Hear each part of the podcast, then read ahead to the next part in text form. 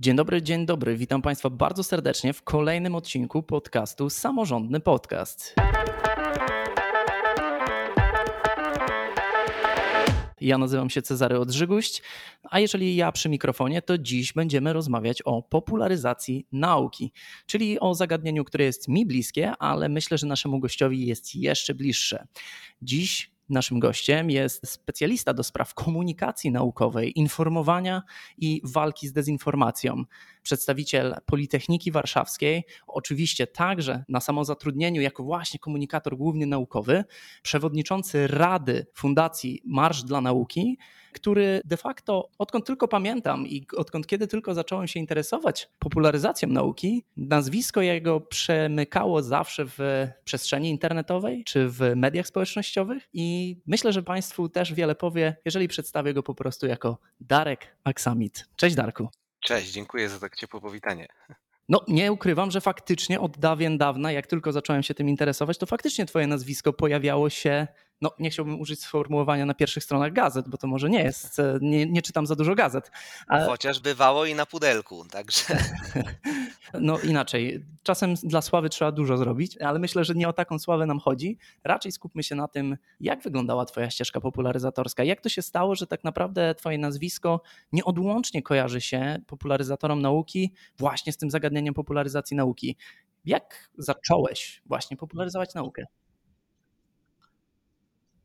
Przede wszystkim, przede wszystkim faktycznie moje nazwisko wyskakuje często, albo nawet jak kiedyś robiliśmy sobie taką zabawę, że w Google wyszukiwanie obrazem się wpisuje imiona i nazwiska różnych ludzi, to wtedy widać, że na przykład e, są naukowcy, którym nie wyskakuje nawet jeden obrazek, nawet w internecie nie ma nawet jednego zdjęcia na stronie wydziałowej, e, że to jest zespół i w naszym zakładzie pracuje ten, ten i ten i w ogóle jakby oni nie istnieją w przestrzeni medialnej, co też utrudnia na przykład dziennikarzom dotarcie do nich. Natomiast faktycznie, ponieważ ja od, nawet nie to, że od pierwszego roku studiów, studiów, ale wręcz od liceum zacząłem się interesować takim właśnie edukowaniem i popularyzacją, no to po prostu siłą lat się zebrało bardzo dużo tego materiału i przez to, przez te lata miałem przyjemność wcielać się w bardzo różne role. E, więc zaczynając oczywiście od rzeczy no, klasycznych, tak jak pewnie większość osób zaczyna, czyli pikniki naukowe, festiwale nauki, tego typu pokazy i, i działalność w kole naukowym. I ja akurat trafiłem na fantastyczny moment w czasie, ponieważ akurat zawiązała się taka fundacja Uniwersytet Dzieci i po raz pierwszy zrobili zajęcia zajęcia z dziećmi w Krakowie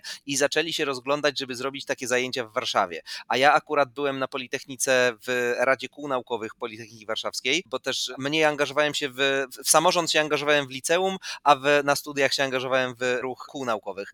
No więc wyszło, że ja z Uniwersytetem Dzieci zaanimowaliśmy e, wprowadzenie Uniwersytetu Dzieci na Politechnikę Warszawską i wtedy no już to poszło szeroko, bo mieliśmy e, mnóstwo tych kół, które działały i w sumie dalej działają. I wtedy też e, to był o tyle super moment, moment, że wtedy rodził się ten boom edukacyjny, który dzisiaj obserwujemy e, i też Uniwersytet Dzieci tutaj olbrzymią rolę e, odegrał w zainicjowaniu tego procesu i teraz jest mnóstwo i fundacji, i organizacji, i stowarzyszeń, i komercyjnych podmiotów, które po prostu no, napęczki robią przeróżnych zajęć, wiesz, od programowania, po tam kreatywne ferie i tak dalej, i tak dalej. Ale więc zaczęło się tak od dzieci. Natomiast druga rzecz, która fantastycznie się w czasie zgrała, to to, że wtedy do Polski też, jak ja byłem, już kończyłem, byłem na piątym roku studiów, wszedł do Polski konkurs FameLab, który organizowany jest przez y, British Council, ponieważ w Cheltenham w Wielkiej Brytanii wymyślili sobie taki konkurs. O, okazał się mega super fajny, więc skopiowali, znaczy zaczęli tę formułę kopiować na cały świat i robić y, to jako międzynarodowy konkurs. No i w Polsce British Council razem z Centrum Nauki Kopernik stwierdzili, że zrobią polską edycję. No i brałem udział w pierwszej polskiej y, edycji i to było no, przefantastyczne doświadczenie, ponieważ po pierwsze też wyszedłem poza swój wydział i poza, wiesz, pięć lat siedziałem w gronie fizyków,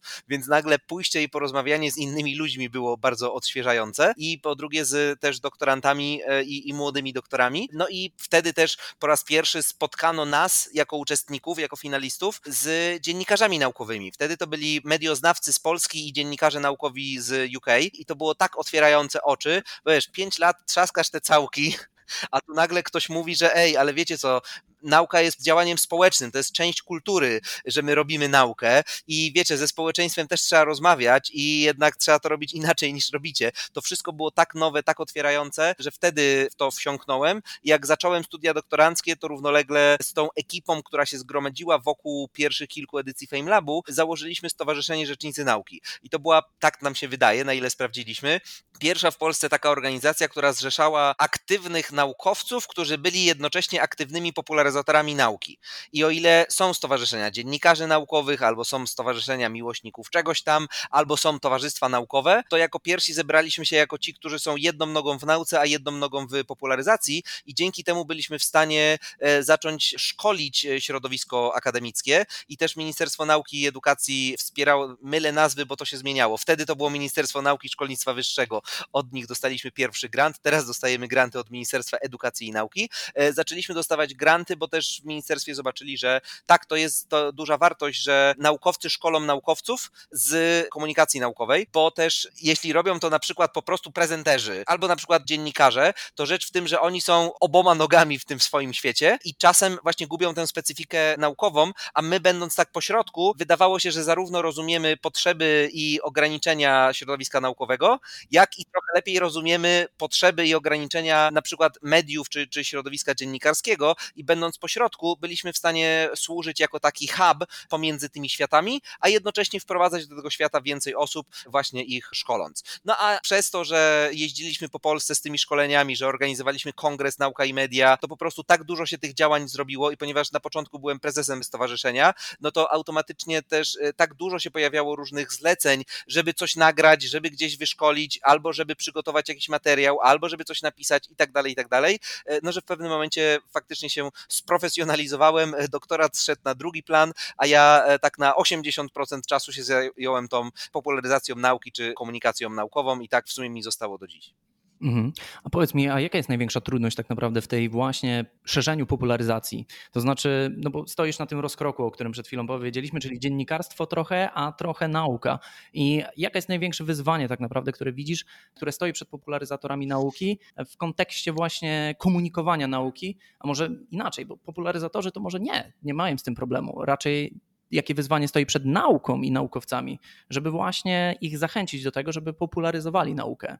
Przede wszystkim, jeśli to, to, teraz problemy są różne po różnych stronach. Czy jeśli rozmawia się ze środowiskiem naukowym, to pierwsze jęczenie e, jest dość oczywiste, no ale nie mamy na to czasu. I przede wszystkim, że jeśli nie ma presji ze strony na przykład władz, albo nie ma tego w, wiesz, w rubryczkach za ewaluację roczną pracownika, to jest tak, że ktoś to robi, bo to lubi w swoim wolnym czasie, robi to jako hobby, natomiast nie ma takiego obowiązku, a w związku z tym też nie ma motywacji, żeby to robić w ramach swoich obowiązków obowiązków zawodowych, albo wręcz e, są takie miejsca, gdzie e, w momencie, kiedy na przykład doktorant popularyzuje, to przychodzi promotor i mówi, że no ale dlaczego pan traci czas na rzeczy niezwiązane z doktoratem, albo dlaczego ktoś w cudzysłowie wychodzi przed szereg, no bo przecież tam są habilitowani profesorzy, a tu jakiś doktorant wychodzi i mówi. Więc są środowiska naukowe, które są toksyczne i które blokują ludzi przed prowadzeniem tego dialogu ze społeczeństwem, natomiast są środowiska, które mówią, wow, super, rób to, bo właśnie robisz dla naszej uczelni marketing, nasza uczelnia występuje, bo się afiliujesz, e, więc e, robisz nam darmową reklamę,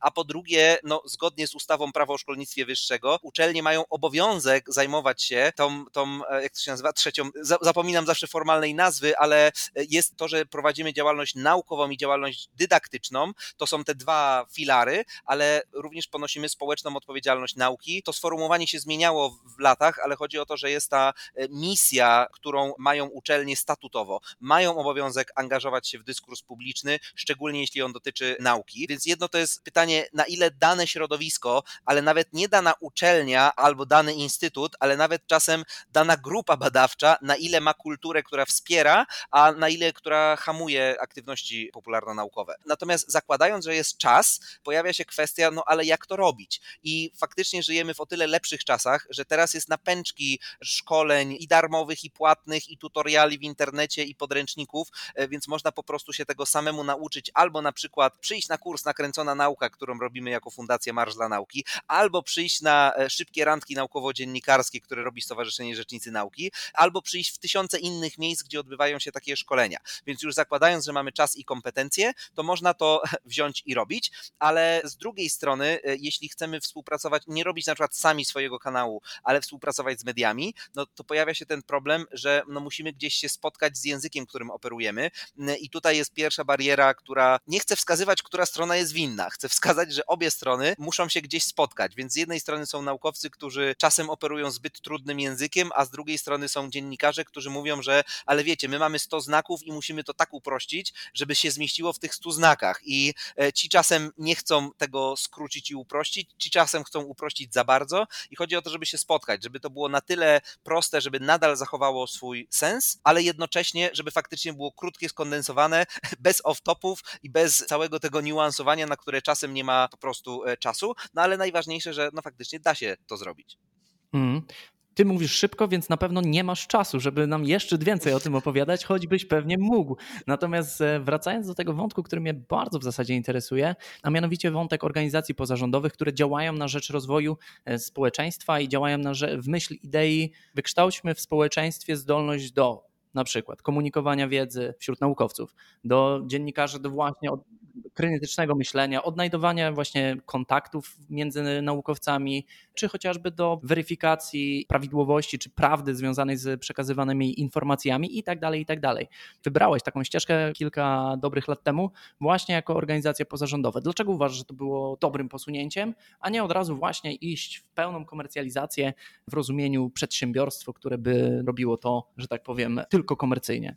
Bo przede wszystkim pytanie, co jest celem. Mówiąc bardzo ogólnie, zawsze jeśli masz firmę, to jej celem jest zarabiać pieniądze i to jest koniec kropka. I teraz możesz to robić w sposób etyczny lub nieetyczny, albo przy okazji sprawiać, że świat jest lepszy lub gorszy, ale głównym celem jest zarabianie pieniędzy. Fajnie, jeśli potrafisz zarabiać pieniądze, jednocześnie robiąc coś fajnego, ale mówię, to jest y, pierwszy cel przedsiębiorcy. Natomiast my w momencie, kiedy się zgromadziliśmy, to było tak liczę, nie wiem, z 10 lat temu, my jeszcze nie wiedzieliśmy nawet, że można traktować popularyzację jako zawód zawód, bo właściwie taki zawód nie istniał. Było naprawdę, nie wiem, ile można byłoby naliczyć osób, które potrafią się z tego wyżyć i z tego się utrzymać. Teraz sytuacja jest zupełnie inna, bo też zmienił się e, rynek i jest dużo łatwiej, szczególnie chociażby jeśli wspomnę tylko ten boom edukacyjny. Już pewnie nie mamy czasu na wchodzenie w dyskusję, e, gdzie jest granica między edukacją i popularyzacją, ale krótko mówiąc, odbiorców tych treści i też przy tym, jak się rozwinęły social media, jest to kompletnie inny rynek niż był na początku. Ale też my, jak się zbieraliśmy, też jako młodzi doktoranci w większości, to nam jednak w pierwszej kolejności przyświecała idea, zróbmy coś fajnego. I w tym momencie NGOs jest po to, żeby realizować fajne, ważne e, społecznie idee. A i jeszcze taka prosta zasada, czy zakładać stowarzyszenie, czy fundację. Więc zazwyczaj, jeśli masz ludzi, ale nie masz pieniędzy, to zakładasz stowarzyszenie. Jeśli masz pieniądze, a nie masz ludzi, to zakładasz fundację. E, więc ponieważ my się, mówię, byliśmy zbieraniną bardzo różnych ludzi z całej Polski, to założyliśmy stowarzyszenie. Natomiast lata później, kiedy zakładaliśmy Fundację Marsz dla Nauki, e, chcieliśmy mieć inną strukturę, bo też zakładaliśmy ją w mniejszej grupie i przyświecały jej trochę inne cele, bo chcieliśmy działać bardziej dla społeczeństwa. Natomiast tutaj chodziło o to właśnie, żeby zebrać razem ludzi i dlatego założyliśmy e, stowarzyszenie. Natomiast między stowarzyszeniem i firmą jest jeszcze ta duża różnica, że stowarzyszenia naturalnie mogą korzystać z, ponieważ są organizacjami pozarządowymi działającymi w obszarze pożyteczności publicznej, to mogą korzystać z pieniędzy publicznych e, i non-stop, czy to ministerstwa, czy to samorządy, czy inne instytucje, rozpisują konkursy dla organizacji pozarządowych. Więc idea jest, że takie na przykład Ministerstwo Edukacji i Nauki daje 100 tysięcy złotych w grancie, żeby organizacja realizowała jakieś zadania. I chodzi o to, że to znowu, to nie jest czyste zlecenie komercyjne, tylko to jest działanie jakiejś grupy ludzi na rzecz społeczeństwa. Czyli jakby tak zarabiamy na tym pieniądze, tak wydajemy te pieniądze, tak zatrudniamy zatrudniamy podwykonawców i tak dalej, i tak dalej, ale główny cel, który temu przyświeca, jest taki, żeby zrealizować jakieś zadanie publiczne, Na przykład właśnie uruchamiamy w listopadzie kurs na temat dezinformacji, gdzie znowu celem, i ten kurs jest darmowy, więc celem jest poprawienie tego, jak nasze społeczeństwo reaguje na fake newsy. I teraz oczywiście moglibyśmy to zrobić jako produkt komercyjny i nie wiem, tysiąc złotych wziąć za rejestrację, ale woleliśmy wziąć na to grant po to, żeby mogło to być jak najszerzej dostępne i żebyśmy na tym nie zarabiali, tylko żeby było, żeby jak najwięcej ludzi wzięło w tym udział. Więc e, po prostu fajnie też, jak jest się w kilku miejscach, jak uczelnie, organizacje, firmy, bo wtedy w zależności od tematu i okazji można tym trochę żonglować. I jeśli na przykład wiesz, jest otwarty konkurs Erasmus i to wtedy fajnie jest mieć pod ręką uczelnię, jeśli jest komercyjne zlecenie, fajnie jest mieć pod ręką firmę, a jeśli jest otwarty konkurs na realizację zadań publicznych, to fajnie jest mieć pod ręką NGO-sa. Mhm. No, pełne spektrum możliwości tak naprawdę w realizacji, czyli te podmioty, które wykonują później te działania, to na pewno jest duży plus i ja też dostrzegam taką dużą wartość dodaną co do tego. No ale mówimy o pełnym spektrum możliwości, to myślę, że warto wskazać o Twoim spektrum możliwości, bo możemy Cię zobaczyć w artykułach popularno-naukowych, czy przeczytać Twoje treści. Możemy w social mediach, możemy zobaczyć Cię na ekranie, na różnych filmach, materiałach wideo, a także chociażby w publikacjach takich popularno-naukowych typu książka.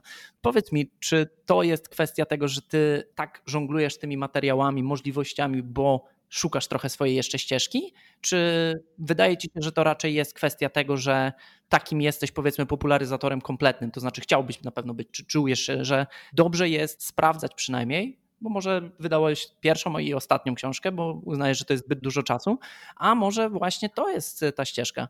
Jak to wygląda z Twojej perspektywy? Jak powinien zachowywać się popularyzator nauki, jak taki protip? Szukać czy raczej precyzować się? Zdecydowanie szukać, zdecydowanie szukać, dlatego że każdy z jednej strony nadaje się do różnych rzeczy, a z drugiej strony lubi różne rzeczy i chodzi o to, żeby znaleźć coś, do czego się nadajemy i co lubimy. Więc, y, no ale niestety, no tu trzeba zrobić rozpoznanie bojem i na przykład no, są ludzie, którzy no, nienawidzą pisać, y, a, a są tacy, którzy no, z kolei no, nie wyobrażają sobie, żeby stanąć przed kamerą, bo na przykład nie lubią swojego wizerunku albo nie cierpią chodzić do radia, bo nie lubią swojego głosu, a za to kochają pisać. I chodzi o to, że no nic na siłę, y, tylko chodzi o to, że zachęcam wszystkich, żeby jak tylko jest okazja, żeby pójść i popróbować i na przykład stwierdzić, o, to mnie kręci, to jest naprawdę wow, albo nie, to jest kompletnie nie dla mnie nigdy więcej. I e, w tym sensie nawet samo to stawianie przed kamerą, to są bardzo różne doświadczenia, bo czym innym jest pójście do śniadaniówki, gdzie masz 30 sekund czy tam minutę na wypowiedź, a jednocześnie jest to bardzo stresujące, bo wiesz, że ogląda tam na przykład 2 miliony ludzi, ale jednocześnie to zniknie, bo to będzie jeden z tysiąca materiałów tego dnia i nikt tego jutro nie będzie pamiętał, więc jest to co innego z kolei jak nagrywasz się sam na przykład wrzucasz sobie filmiki na YouTubie, odchodzi kompletnie cały stres, bo możesz sobie 20 razy to nagrać, jeśli masz na to czas, a potem masz takie, wiesz, repozytorium.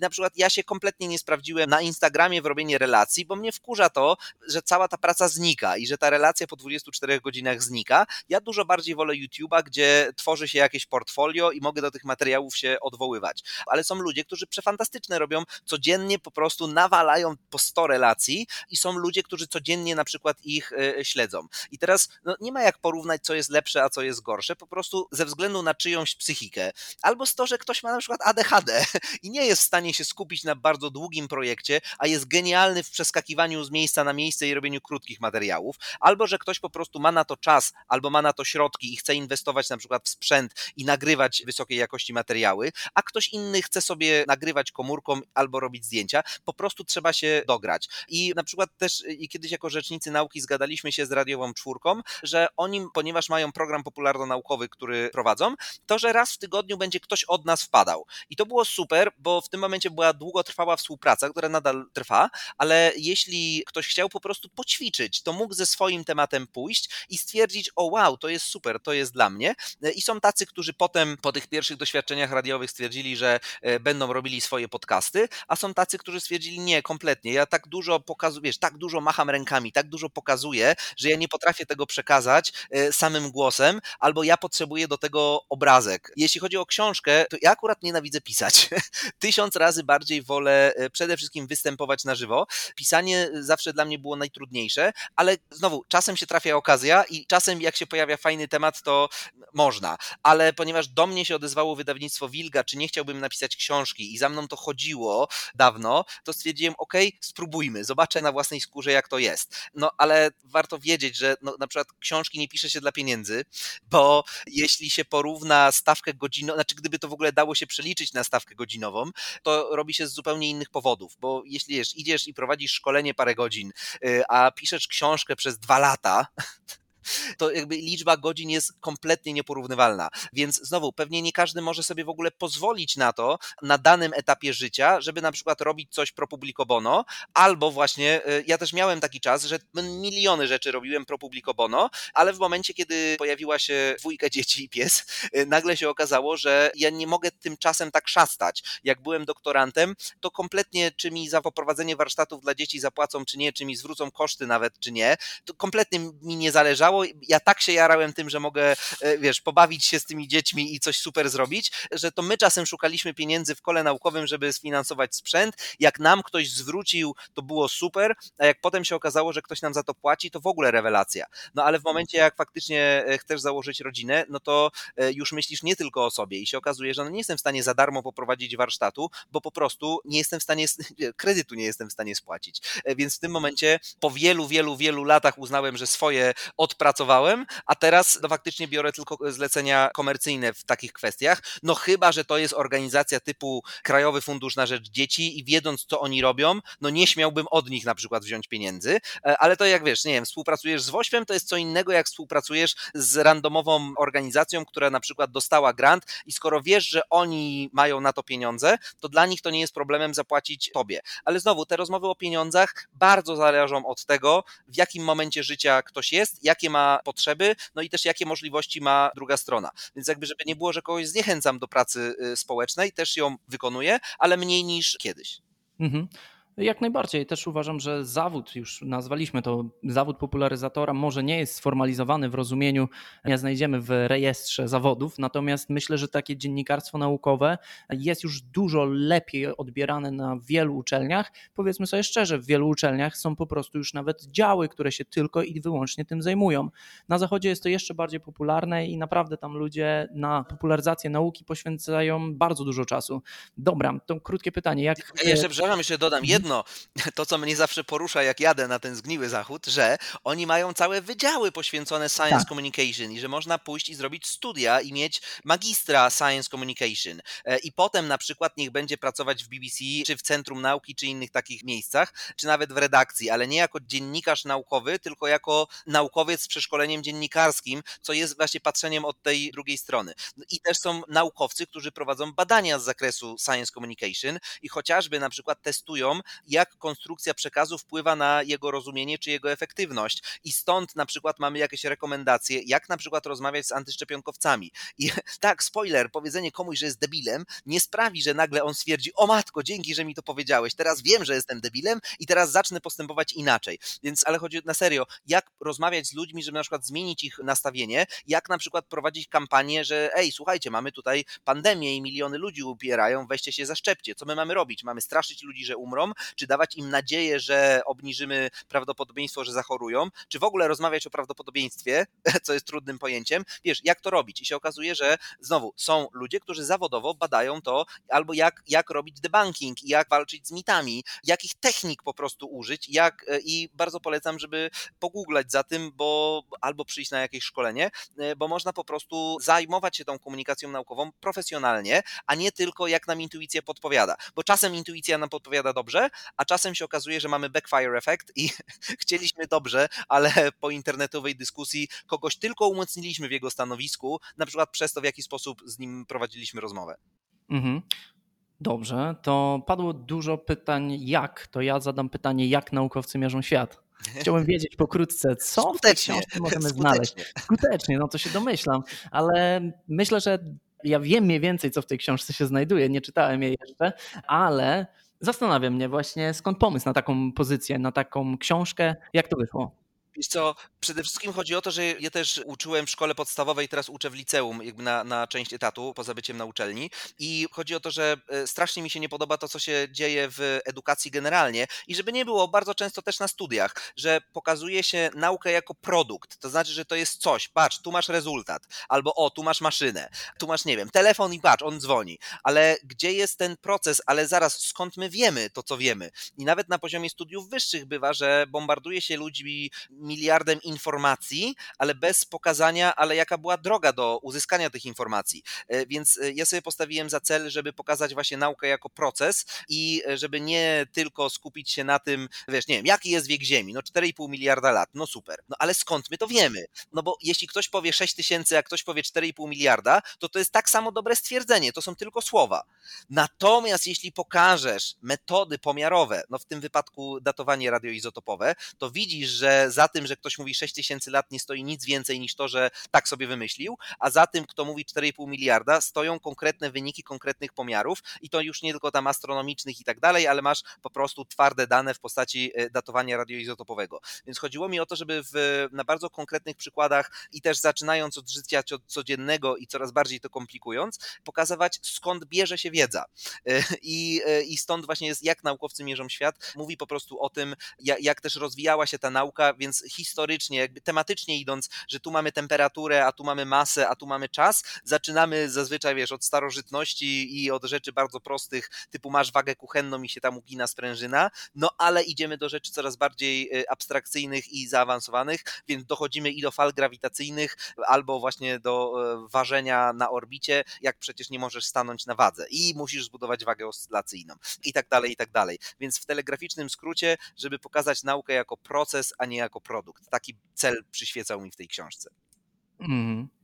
Dobrze, to ja się w takim razie z tą pozycją zapoznam, ale mnie to co najbardziej interesuje, bo kilka wywiadów już dotyczących popularyzacji było, ale w tym kontekście chciałbym z Tobą szczególnie porozmawiać właśnie o komunikacji naukowej względem dzieci, czyli informowania osób, których mózgi są tak plastyczne, że jeszcze są w stanie wchłonąć, myślę, że większość informacji i na pewno są mniej zagorzałe w swoich przekonaniach niż my, starzy ludzie, i są otwarte na to, co my chcemy tak naprawdę im przekazać. No właśnie, jak popularyzować naukę wśród dzieci? No bo to jest trochę specyficzna grupa docelowa. Bardzo Zarazem trudna, jak i łatwa może. No, gdzie, gdzie, gdzie widzisz siebie? Nie, trudna. Zdecydowanie trudna pod e, kilkoma względami. Po pierwsze, ja rozmawiając z dorosłym już wiem mniej więcej, to jest co najmniej osoba, która skończyła szkołę średnią, a pewnie jeszcze studia wyższe w innym temacie, ale jednak y, jeśli ja powiem coś, wiem na przykład, że każdy inżynier skończył kurs podstawowy podstaw fizyki i matematyki analizy matematycznej, ale generalnie w społeczeństwie też każdy rozumie jakieś, tak nie wiem, jak powiem średnia, czy coś powiem o procentach, e, to, to każdy będzie wiedział z grubsza o co chodzi więc jakby poziom wiedzy jest zupełnie inny, ale druga rzecz to to, że czas koncentracji u dzieci jest tak inny niż u dorosłych, że trzeba po prostu się do tego zaadaptować i przede wszystkim e, ograniczyć tę ilość informacji do tego, ile jesteśmy w czasie parunastu minut na przykład przekazać i przede wszystkim dostosować metody, no bo nikt nie jest w stanie wytrzymać zbyt długiego gadania, a jeśli ktoś ma wiesz, 10 lat, to jak już 3 minuty ktoś gada, to to już jest za długo, więc przede wszystkim to musi być jak najbardziej praktyczne, albo trzeba zmieniać metody i okej, okay, tu gadamy, tu pokazujemy obrazek, tu zrobimy ćwiczenie praktyczne, tu znowu pogadamy, tu pokażemy filmik i trzeba skakać z tym, żeby cały czas utrzymywać tę uwagę, więc znowu i z im młodszymi dziećmi się pracuje, tym więcej rzeczy robi się przede wszystkim praktycznie i nawet jeśli to może być niedoceniane przez kogoś patrzącego z zewnątrz, że o, oni tutaj, nie wiem, lepią z plasteliny kulki. Nie, ale chodzi o to, że, że my coś robimy, nie gadamy. Z gadania nic w mózgu tego dziecka nie zostanie, a jeśli nawet, jeszcze nie wiem, budujesz sobie sobie model układu słonecznego. Jeśli to nie ty pokażesz na ekranie model, ale oni sobie wezmą plastelinę i wezmą sobie linijkę i porobią sobie te kulki i zajmie im to 40 minut, a nie tobie dwie minuty pokazania obrazku, to trwałość tej wiedzy, która zostanie w ich e, mózgu, jest nieporównywalnie inna. No więc, y, krótko mówiąc, robić, robić, a nie gadać, korzystać z całego wachlarza metod, ale jeszcze jedna ważna rzecz, szanować e, te dzieci. Pamiętam, jak organizowaliśmy mm, letni obóz Politechniki Warszawskiej, e, to potem gdzieś w ankietach ewaluacyjnych i też w komentarzach widzieliśmy, że uczniowie byli zaskoczeni, że traktowaliśmy ich poważnie.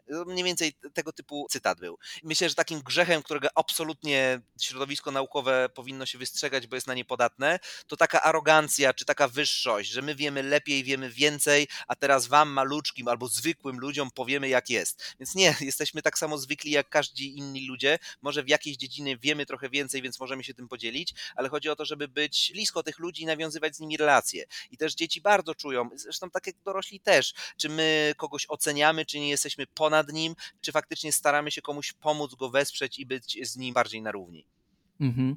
No to, bo czas dobiega antenowy końca, byśmy pewnie jeszcze mogli trochę porozmawiać, ale chciałbym, żebyś przekazał słuchaczom pewną jakąś taką Twoją myśl dotyczącą popularyzacji. Zachęć ludzi, jeżeli mogę Cię prosić, do tego, aby podjęli się próby popularyzacji. Ja nie mówię, że muszą to robić na milionowe skale, ale żeby spróbowali. The floor is yours. to ja zacytuję mój ulubiony fragment z książki Czyje lęki, czyje nauka, e, która jest polską książką z Uniwersytetu e, Adama Mickiewicza w Poznaniu.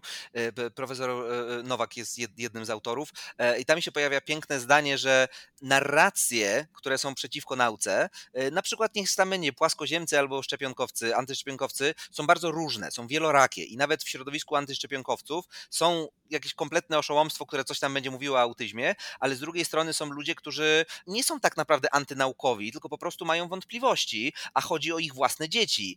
A z drugiej strony no, mamy ludzi, którzy po prostu zarabiają na nakręcaniu jakiegoś ruchu społecznego i zbieraniu od nich datków. I teraz chodzi o to, że wielorakie narracje wymagają wielorakiej odpowiedzi. I nie jesteśmy w stanie na przykład na ruch antyszczepionkowy odpowiedzieć o tak, w jeden sposób, bo z każdą podgrupą trzeba rozmawiać inaczej. Znaczy oszustów trzeba piętnować, e, ludzi, którzy martwią się o swoje dzieci, trzeba z szacunkiem do nich porozmawiać o tym, i odbyć z nimi uczciwą rozmowę, a są tacy, których trzeba edukować w kwestii podstaw biologii. Więc to są e, różnorakie narracje. I tak samo czasem potrzebujemy po prostu dać wykład i podzielić się wiedzą, a czasem potrzebujemy skontrować coś, co jest w mediach, a czasem potrzebujemy bardzo ostrego sporu i ataku i pójścia na noże w komentarzach, a czasem potrzebujemy spokojnej polemiki z kimś, kto uważa inaczej. Więc przez to, że potrzebujemy tych wielorakich narracji, to potrzebujemy też wielorakich podejść, potrzebujemy różnorodnego środowiska popularyzatorów i naukowców, którzy na różnych poziomach, w różny sposób, w różnych mediach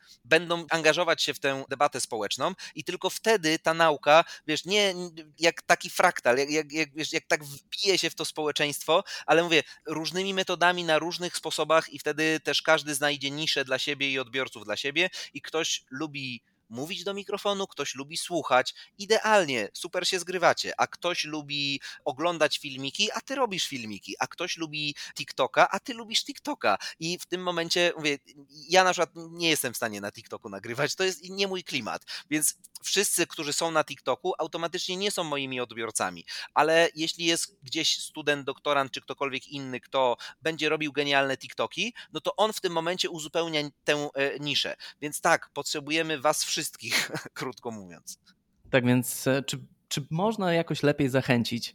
Potrzebujemy Was wszystkich do tego, abyście popularyzowali naukę i wychodzili ze swoich mrocznych, tajnych laboratoriów, czy z Bóg wie z jakich miejsc i wychodzili do społeczeństwa, mówiąc o tym, co jest ważne, co jest naukowe, co jest merytoryczne i walczyli z tą postprawdą, fake newsami i wszystkimi kwestiami, które no niestety destabilizują wiedzę na temat świata i no niestety, ale często sieją niepokój właśnie w społeczeństwie. I w ten sposób wspierali to społeczeństwo i szczególnie jeśli nie wszyscy mieli to szczęście co my, żeby na przykład mieć ten przywilej e, poświęcenia czasu na karierę naukową, co uważam cały czas za przywilej e, i mimo wszystkich bolączek z tym związanych, e, więc po prostu jesteśmy w uprzywilejowanej pozycji na przykład, że naukowo czy zawodowo zajmujemy się na przykład ocenianiem jakości faktów i argumentów, więc no, uważam, że mamy pewien dług wdzięczności wobec społeczeństwa i po prostu e, dzielmy się tym z szacunkiem do naszych odbiorców.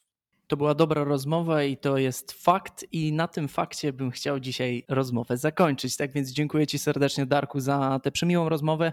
Mam nadzieję, że otworzyliśmy oczy wielu osobom i no, rozwialiśmy wątpliwości, że warto próbować i próbować na różne sposoby popularyzować naukę. Dzięki serdeczne. Trzymaj się. Dzięki wielkie za zaproszenie. Projekt Samorządny Podcast został dofinansowany ze środków Ministerstwa Edukacji i Nauki w ramach programu Organizowanie i animowanie działań na rzecz środowiska akademickiego w 2023 roku.